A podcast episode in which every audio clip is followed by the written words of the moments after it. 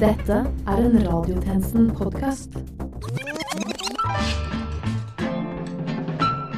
Ja, da håper vi at du sitter godt i sofaen og har gjort klar gryteretten, for nå er det klart for både kjent og alvor for oss. Det er fremdeles en halv time til Mordrek og Togrek skal holde fram jakta på den tsjekkoslovakiske envendte grevlingen som har nøkkelen til partisekretær Pepjeks piskeskap, og en hel time til Harald Tusberg skal leie programmet Dette er ditt liv, Fido, der han møter Jan Peshuses hund Fido for en hel times prat om politikk, underholdning, hårkrem, konservatisme og hundemat.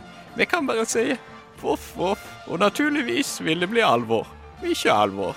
Men ikke bare. Vi skal også få et spennende informasjonsprogram om slipsknyting og prøving av presser i Syd-Danmark i reprise for 14.8.1973. Men først så skal vi til samfunnets egne vakthunder. De flinkeste biskene på Novaloftet. Radiotjenestens alltid nyhetshungrige reportere som bare er redde for én en eneste ting, og det er sanninga. Klokken er 12.00, og du lytter til Radiotjenesten.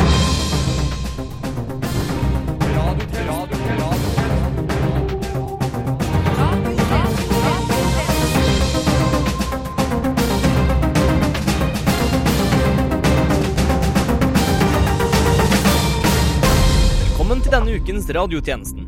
Dette er Nytt under solen. Druknende mann takker nei til livbøye sendt ut av mannegruppa Ottar. Erna Solberg og venstreleder Trine Skei Grande nå de eneste igjen i Norge som fremdeles spiller Pokémon Go. Og regjeringens budsjettforhandlinger med sentrumspartiene går omtrent som forventet. Eh, Der altså statsministeren står og hyller og er fra seg er begeistra. Snakker om magiske øyeblikk og vet ikke hva. Mens altså motstanderen står svimeslått og blødende i et hjørne.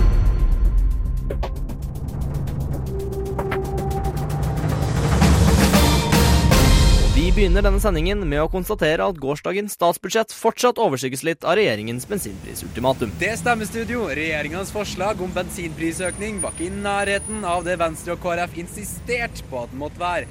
Og du, tilfeldig forbipasserende person, du må da være veldig rysta. må jeg? Det hadde vært veldig fint, i hvert fall. Uh, jeg er egentlig ikke det. Kan du ikke bare late som, da? Jo da, uh, jeg er veldig rystet. Der ser du, Herman. Folk er rysta. Statsminister Erna Solberg og finansminister Siv Jensen nekter å øke avgiften på bensinpris med mer enn noen øre per liter. Dermed jobber de imot samarbeidsavtalen regjeringen har med sentrumspartiene. Det får Venstre til å se rødt. Nei da, ikke egentlig. Litt rødt. Nei, nei. Litt. Niks. Kom igjen, da. Nei, altså, Nå har Frp gått fra å være klimafornektere til å være med på å gjøre det dyrere med fossilt brennstoff, og da er det faktisk en gledens dag. Ja, litt som når, eh, litt som når sønnen din ikke trenger å bruke smokk lenger. Det kan rett og slett virke som partiet Venstre ikke mener de er utsatt for noe ultimatum. Nei, det skulle tatt seg ut hvis dette var så langt Høyre og Frp var villige til å gå i det budsjettet her, altså. Og det er altså så langt som Høyre og Frp kan gå i dette budsjettet. Filler'n. Det er fort gjort å få inntrykk av at regjeringen kom med sitt ultimatum sist fredag fordi det ellers ville overskygge resten av statsbudsjettet. Men om det får regjeringens samarbeidspartnere til å fremstå en smule dust, lar vi være opp til dem selv. Nei, eh, vi i KrF ønsker å studere helheten av dette statsbudsjettet før vi dømmer det nord og ned. Eksempel så kan det hende at regjeringa har tegna ei veldig fin tegning av et tre på øya sidene. Er vi sikre på at de har gjort det? Nei, men vi, vi kan heller ikke gjøre en helhetlig vurdering før vi har kommet til bunns i denne saken.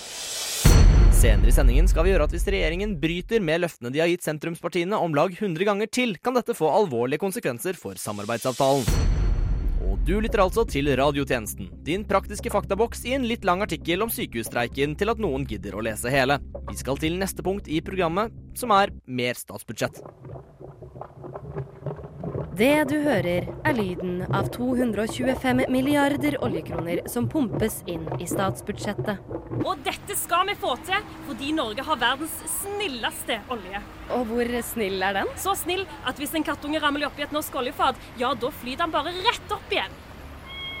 Med disse pengene skal regjeringen jobbe for de beste løsningene på det nordmenn bryr seg om mest. Boligskatten skal reduseres, veier skal bedres, og apokalyptiske klimaendringer skal bli møtt med et standhaftig skuldertrekk.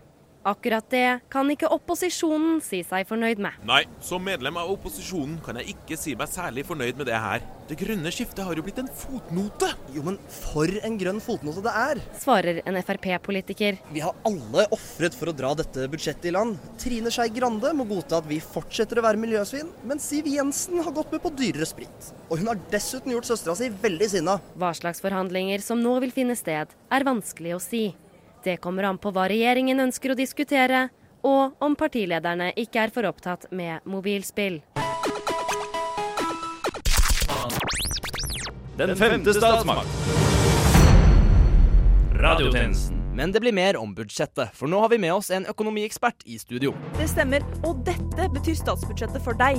Det stemmer, jeg snakker om deg, Gaute Mikael Fagerstrøm fra Notodden. Uh... En tydelig tendens ved statsbudsjettet er at studentene ikke tjener på det. Studielånsrenten øker med 0,35% men det har jo ikke noe å si, Gaute, når du uansett aldri gidder å starte på jusstudiene, som du lovet. Aha. Videre ser vi at det blir færre insentiver for handelsnæringen å promotere lettbrus i dagligvarebutikkene, og det blir jo meget trist for Gaute Mikael Fagerstrøm, for den gutten klarer seg jo tydeligvis ikke uten halvannen liter Pepsi Max om dagen. Det snakkes jo også mye om at dette ikke er det grønne budsjettet som alle hadde håpet på. Blant annet blir det en snau milliard i lettelse for landets bilister. Nei, og det Men litt dårlig luft vil jo uansett ikke ramme Gaute når han uansett bare drar ut når han skal kjøpe inn mer frossenpizza til minikjøleskapet sitt. Selvfølgelig. Regjeringen fryser også lisensnivået. Nemlig. Men herregud, hvis Gaute i det hele tatt hadde vurdert å se noe på NRK heller enn å bare binge Entourage om igjen, ja, da er det mange som hadde jublet. Og han har jo ikke TV! Han ser det bare på dataen. Ja. Sønnen min skulle bli noe stort. Sånn som sin mor. Ja. Noe stort, sier jeg! Det var rektor på Alta kristne grunnskole, Håkan Funk, som natt til søndag ble ferska i å lime sammen sidene i biologiboka til kommunens femteklassinger. Kritiske røster fra AUF mener det her er sensur av barnas undervisning, og at skolen ikke oppfyller kravene AUF mener staten bør stille til norske skoler. Vi mener jo ikke at det her er sensur. Vi velger jo bare å holde unna informasjon fra skolens elever. Dessuten så har vi planer om å informere elevene om hva puberteten er når de begynner i nivå 7. Vi mener bare at det er for tidlig å introdusere puberteten til barn på nivå fem i skolens aldershierarki. Hvordan har dere kommet frem til det her? Dette var faktisk en idé som kom fra en bekymret forelder. Hun oppdaga ved en gjennomgang av sønnens litteratur at sidene om puberteten var sammenklistra. Det var hennes lille gutt på 11 år som hadde fått øye på et illustrasjonsbilde av en pupp, og følgelig hadde sølt litt kosejus på sidene. Mora meldte umiddelbart fra til skolens ledelse, og vi så oss nødt til å handle. Heldigvis så var løsninga formelig skrevet på sida. Så under neste FAU-møte så satte vi sammen en eh, ikke så rent liten workshop for å klistre sidene sammen i resten av bøkene. Men hva syns barna om at de blir frarøvet denne muligheten til å lære om kroppens mysterier? Jeg syns at det liksom er sånn bra at vi ikke har lekser. Ja, for der slipper vi liksom å gjøre lekser. Ja, og uansett så er det mye bedre bilder av tissen på iPaden. Mm, Hva kommer det her på radio? Ingen skade skjedd der, altså. Suksesshistorien har inspirert flere, og Nav har nå implementert Alta kristne grunnskoles metode, og har stengt sine sider om alderspensjon for alle under 69 år. Leder i Nav, Sigrun Vågeng, hadde her å si om saken. Vi kan ikke kommentere enkeltsaker, men kan uttale oss på generelt grunnlag at vi mener publikum ikke må introduseres for informasjon som angår dem for tidlig. Vi mener det er lurt å vente to år etter det strengt tatt er aktuelt, før vi publiserer informasjon for enkelte grupper.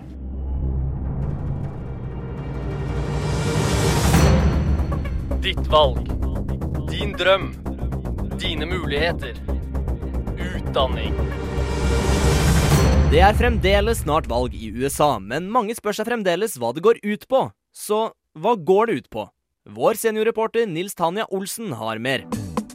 Da jeg var ung, kunne man bare velge mellom belte og bjørkeris, og det var kun tre stjerner i det amerikanske flagget. Vel, det var en annen tid. Nå kan det virke som om det amerikanske presidentvalget er på alles lepper, men hvorfor det? Mm. Jeg har møtt USA-ekspert og valgforsker Niklas Hvitløksbrød mm, Hvitløksbrød Johannessen for å lære meg. Altså, Det er jo alltid en uh, stor begivenhet når USA skal velge ny president. Denne gangen er det jo i tillegg litt ekstra. Det er ekstra? Hvorfor er det ekstra?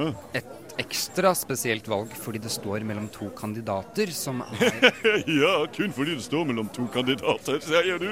Gjør det ikke alltid det, da? ja, man trenger jo ikke være forsker for å vite det. High five me! Altså, hvis du ba- hvis du hvis du bare lar meg- hallo. Hvis du bare vil la meg få sjå og slutte med denne gjespefremkallende kaklingen, så blir jeg glad. Ja, for jeg vil vite hvem som blir president, og jeg vil vite det nå. Ja, ja, ja. Men fortell meg nå da, Johannessen. Hvem kommer til å vinne valgene? Det gjenstår jo å se, det da. Altså, Hva velgerne bestemmer, blir spennende å finne ut av. Og menings... eh, Men kan du ikke bare si det, da? Men jeg, jeg vet jo ikke det. Jeg, jeg vet jo ikke Men det. Men kan du ikke bare Ni- Nils Tanja? si det? Da? Men jeg, jeg vet jo ikke med sikkerhet. Ja, men herregud, da mann er det så inn i svarte Sognefjord. Der er ikke jeg fra. Vanskelig å svare på det her, han. Enten så blir det den ringreven Donald Trump, eller så blir det silverfoxen Billiard Clinton. Du må jo kunne si hvem som vinner! Eh, Du mener Donald Trump eller Hillary Clinton? Hva? Hva? Ja, altså Hillary Clinton. Kona til tidligere president Bill Clinton. Ei kvinne. Oi, eh, Nils Tanja, gikk det bra? Nils Tanja? Nils Tanja? Nils Tanja? Nils Tanja? Nils Tanja? Hvor er jeg? Det ser ut som hjemme, bare kaldt og uhyggelig. Ja, det her må jo være den andre siden. Det parallelle universet der alt er omvendt av slik det skal være. Den, den, den kvinnelige presidentkandidaten må ha satt universet i ubalanse og, og, og, og flippet tidsrommet 180 grader, akkurat som en Grandiosa. Å herregud, ekskona mi Siv ser ut som en mann på dette veggportrettet. Å nei, det er visst bare sånn hun ser ut. Blunk, blunk, til meg sjøl. Men, men jeg Jeg vil ikke være her. Hjelp meg, da. Jeg vil, er vi tilbake. Hjelp! Hjelp! Hjelp! Nils Tanja? Ni- ni- Nils Tanja? Nils Tanja? Nils Tanja? Å, herregud, mann. Ja, du svimte av. Du var borte i flere timer. Hva Å, å, himmelens kake. Det var bare en vond drøm. Å, så godt å være tilbake. ja. ja. Nå, hva snakket vi om? Ja, Du skulle forklare meg det amerikanske valget. Skal jeg forklare deg? Ja, du kan jo bare gjøre det. Men Du jeg- kan jo bare gjøre det, da. Men det, Du det er kan jo bare gjøre det. Men uh... Du kan jo bare gjøre det, da. Nils Tanja Tortellini Olsen kunne ikke lære meg så mye, men som jeg alltid sier, samme det. Presidentvalg, ja. Det var et spennende fenomen. Men har det kommet for å bli? Det tror jeg. Dette har vært Niklas Theodor Johansen for radiotjenesten. For radiotjenesten Niklas Theodor Johannessen. Akkurat nå For er en det gamle sovjetiske maktsentrum Moskva. Krig! at man kan- Rygg! Ut av vei! Visepresidentdebatten mellom Tim Kaine og Mike Pence brakte ikke de største seertallene blant nordmenn, men denne uken slapp NRK nyheten om at Pence løy opptil flere ganger om hva Trump ikke hadde sagt. Men radiotjenestens utenriksekspert, du tror ikke at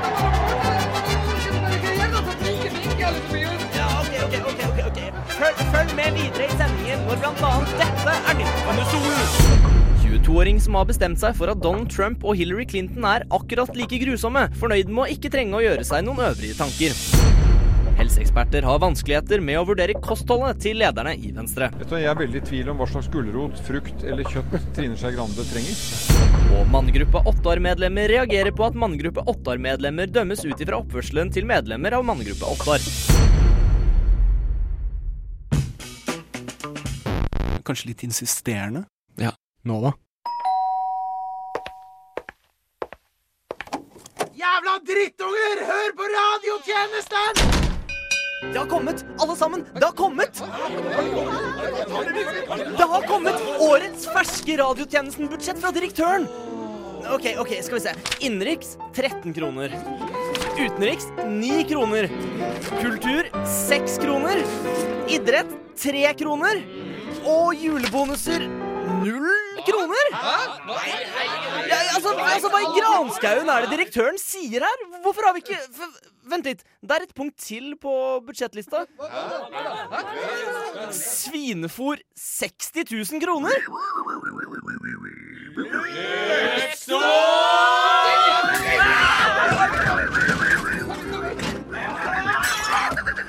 Radio Nova går i lufta!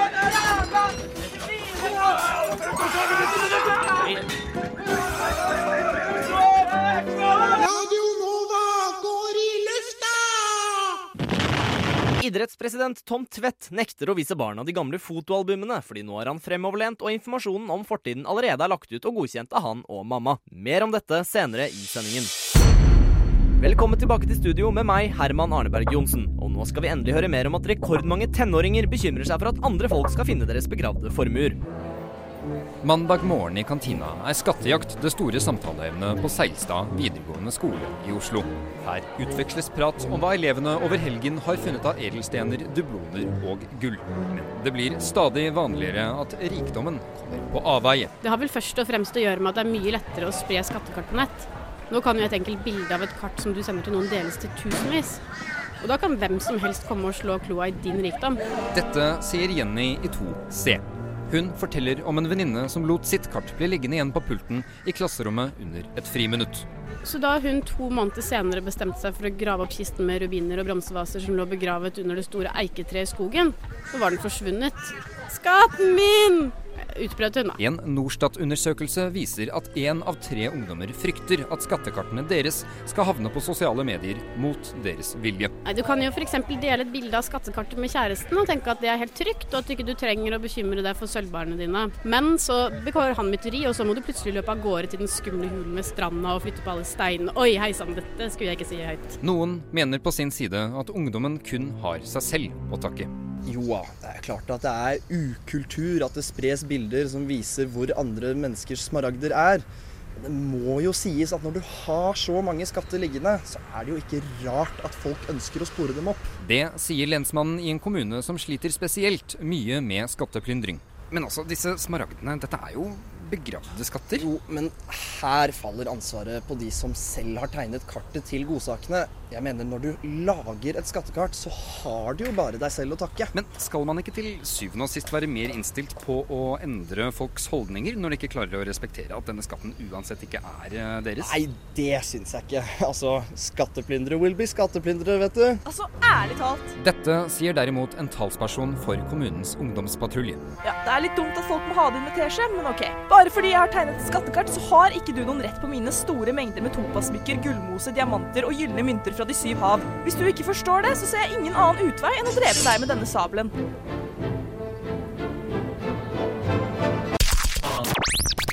Sannheten bak sannheten. Radiotjenesten FM 99,3. Vi skal over til sport. I Norge har en hel del idretter vært forbudte i lang tid.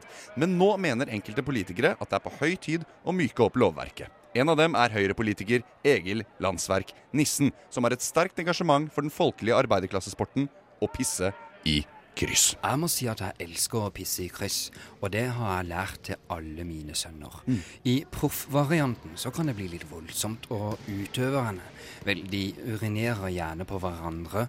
Men det er veldig gøy og artig at Norges fremste utøver kommer fra pissemiljøet rundt Snadderkiosken i Kristiansand.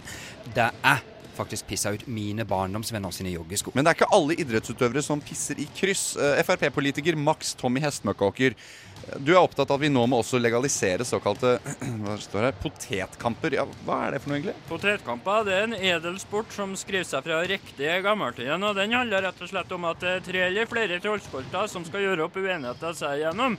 Men de må slå hverandre i hjel med poteter.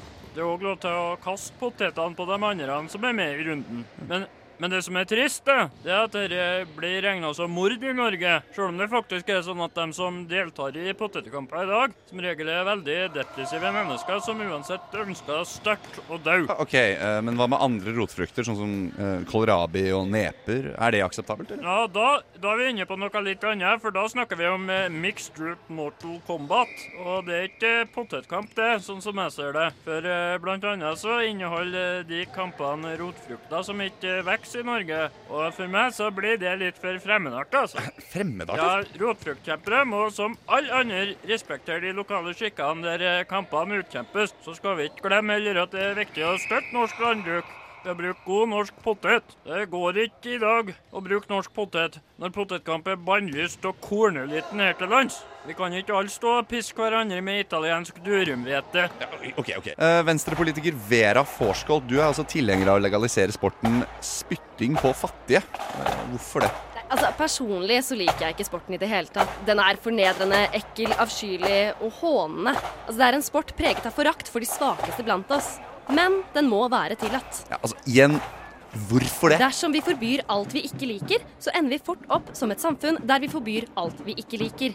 Jeg vil ikke betale for å se på noen spytte på fattige, eller se på toalettdøping for den del. Men dette er mine personlige preferanser, og ikke et politisk prinsipp. Som liberaler vil jeg også at det skal være lov å tilby andre mennesker blåsyre, men det betyr ikke at jeg har tatt blåsyre selv. Ingolf Grottheim, du er professor i sosialmedisin og er også tilhenger av en mer ja, restriktiv linje i idrettspolitikken. Hva det betyr, er at du vil rett og slett forby enkelte idretter som til nå har vært tillatt og temmelig utbredt. Uh, altså, Hvilke idretter er det, er det snakk om her, Grottheim? Jeg er f.eks.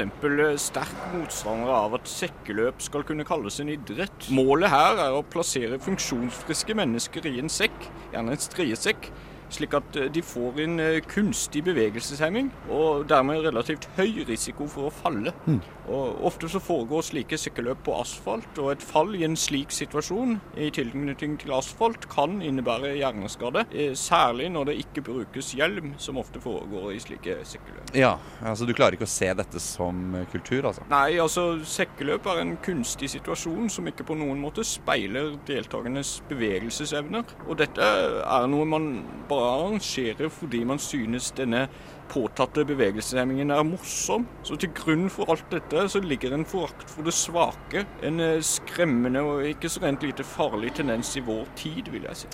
Ja, altså, Er det noen andre idretter du vil avskaffe, da? Eller? Ja, absolutt. Eh, ta gjemsel, f.eks. Du kjenner til gjemsel? Ja, ja, vagt. Eh, det er høst, ikke sant nå? Det er sent, mørkt om kveldene, og mange søker seg ut for å gjemme seg. Og eh, da, når man går ut for å gjemme seg, så finnes det naturligvis en eh, betydelig risiko for å bli kidnappet, påkjørt eller drept. Altså, drept? Ja, absolutt. Og eh, det paradoksale her er jo at dette gjerne skjer mens man simulerer at man gjemmer seg. Altså at man later som om man forsøker å unngå fare, mens man egentlig bare utsetter seg for muligheten for å bli serievoldtatt og drept bak en busk. Så eh, dette er en barbarisk skikk altså, som har røtter i et eh, jeger- og sankesamfunn, som man skulle tro vi for lengst hadde beveget oss bort fra. Så la oss forlate gjemselen nå. I kjølvannet av den negative pressedekningen rundt mannegruppa Ottar sank gruppens medlemstall med 15 000. Det var en medlemsflukt uten like. Men nøyaktig hvor flyktet de? Hvor ble det av disse selverklært politisk korrekte mannssjåvinistene? Radiotjenesten har svaret. Jeg befinner meg i mannebyen Ottar. Bare for noen dager siden var dette kun en forblåst slette et sted på Østlandet. Men i dag er det en leir for flyktninger. Politiske flyktninger, hevder de. Etterfulgt for sin grovkornede humor og tvilsomme forhold til musikksjangeren jazz. Teltbyen, som i innbyggertall tilsvarer Hønefoss, har allerede de grunnleggende private og offentlige tjenestene, som legekontor, matbutikk og en bar med kapasitet til å romme samtlige 15 000 av innbyggerne i mannebyen Ottar. Dette er deres fristed. Her kan ingen nå dem. Her får de være i fred. Dette er deres safe space. Hulings med dame! Kom her til!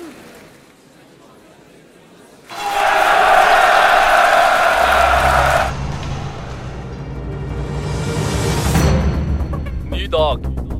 Ny sak. Nytt syn. Nye nyheter.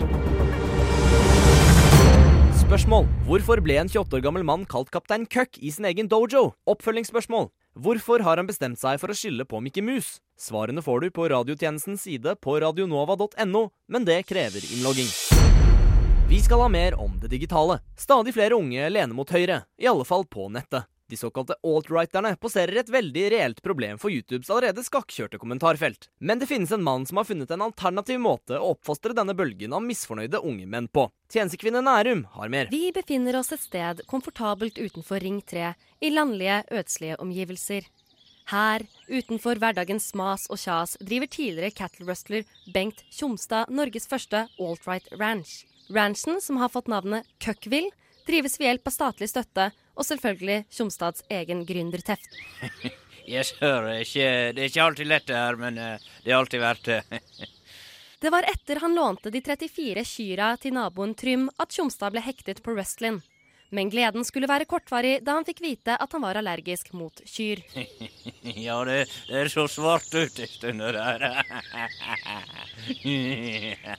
Men heldigvis ble løsningen enkel. Ja, jeg prøvde meg jo på noen eh, YouTube-videoer for å finne ut om problemet mitt eh, kunne fikses, og så gikk jeg eh, nedover i kommentarfeltet. Og så er det mange som sier det at du, du skal ikke gjøre det der, for da blir du trolla. Men uh, for meg så ble det redninga, altså. Der så så jeg erstatninga til de her kyrne som jeg ble så glad i. Så velkommen til Køkkville. Ultralight-ranchen der alt kan skje. Hundrevis av unge menn med bilde av tegneseriefrosker og animefigurer som kalte hverandre for køkker og libtarder, ga Tjomstad ideen om å lage et utopia for disse vesenene. Der de kunne være seg selv. Ja, inn her så står det jo stort sett hele dagen. Ja. Her er det beste internett. Her, her, her kan de få være de de er. Og hva innebærer det? Nei, altså det innebærer jo at jeg lager bilder av sånne triste grønne frosker som skal forestille en uh, Trump. Og så lager de dikt om eh, Hillary Clinton. Uh, det, med, det er opptatt av kvinners helse, så for en måned siden, så rauta Nei, nei, sorry, ranta, heter det visst. En uh, hel del av de om at Clinton hadde fått lungebetennelse. Jeg blir så fort bekymra, vet du. Se her. Feminisme! Feminisme! Jeg prøver å gå bort til en av dem. Du må være forsiktig, for det er ikke altså, kunne du se det her helt eh, Det er ikke helt vant til ei kvinnes hand. du, du må ta alt det som du er mammaen deres. Ta på deg det her forkleet her. Hei! Hei, lille venn. Kvin, kvinne? Kvin, kvin, kvinne? Kvinne? Jeg, jeg tror at vi skal få det vekk herifra. Det her skjer jo nesten Aldri? Jeg skulle si alltid. ja, ja, nå er de, nå er de sinte. Eh, vi, vi må komme oss ut herifra. Vi må komme oss ut herifra fort. Før vi blir trolla. Ut! Nå!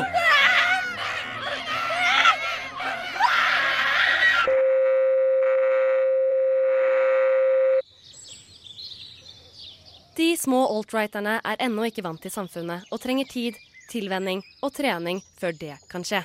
Men Tjomstads siste ord før jeg forlater ranchen, går som et ekko i hodet mitt hele veien hjem til trygge Oslo. Det er jo det samme det som de sa om bananen da de kom. sant? Helt uspiselig, sa de. Jeg gir meg ikke så lett, selv om jeg må bli trolla hver forbanna dag før det går seg til. Har du en banan, forresten? For radiotjenesten Anette Nærum. Vi skal tilbake til sporten, for venstrepolitiker i studio, du sier du har et mer nyansert syn på norsk boksepolitikk enn de fleste parter. Det er med boksing som med narkotika. Folk som er tungt inne i boksemiljøet skal få hjelp, og dette skal være statlig regulert. Ja vel. Så er du svært avhengig av boksing, skal du få assisterte slag i trynet. Økonomi. Politikk. Krig. Fred. Sånn. Og med det er radiotjenestens tilmålte tid forbi. Men før vi avslutter, skal vi til en reporter som er litt usikker på om hun og gjengen skal bli på Kafé Sara eller ikke. Ja, nei, studio, det er litt kjedelig, men ingen vet liksom hvor vi skal gå ellers. Altså, Jonas og de er jo på Dattera, men vi har ikke tenkt å betale for å slippe inn noe sted, har vi? Nei. Samtidig så er det jo altfor mange til å få ordentlig plass her. Det er, det er vanskelig, ass. Kanskje vi bare stikker hjem. Men mer om den saken etter hvert som den utvikler seg. Takk for det, reporter, men nå må vi faktisk si oss ferdig med sending. Du finner oss som alltid på Facebook, Twitter, Instagram, LinkedIn, Soundcloud, iTunes og i ringen med Etter blir lov å bokse for oss som er vektløse. Dette har vært Herman Arneberg Johnsen for Radiotjenesten. Til neste gang, We Use.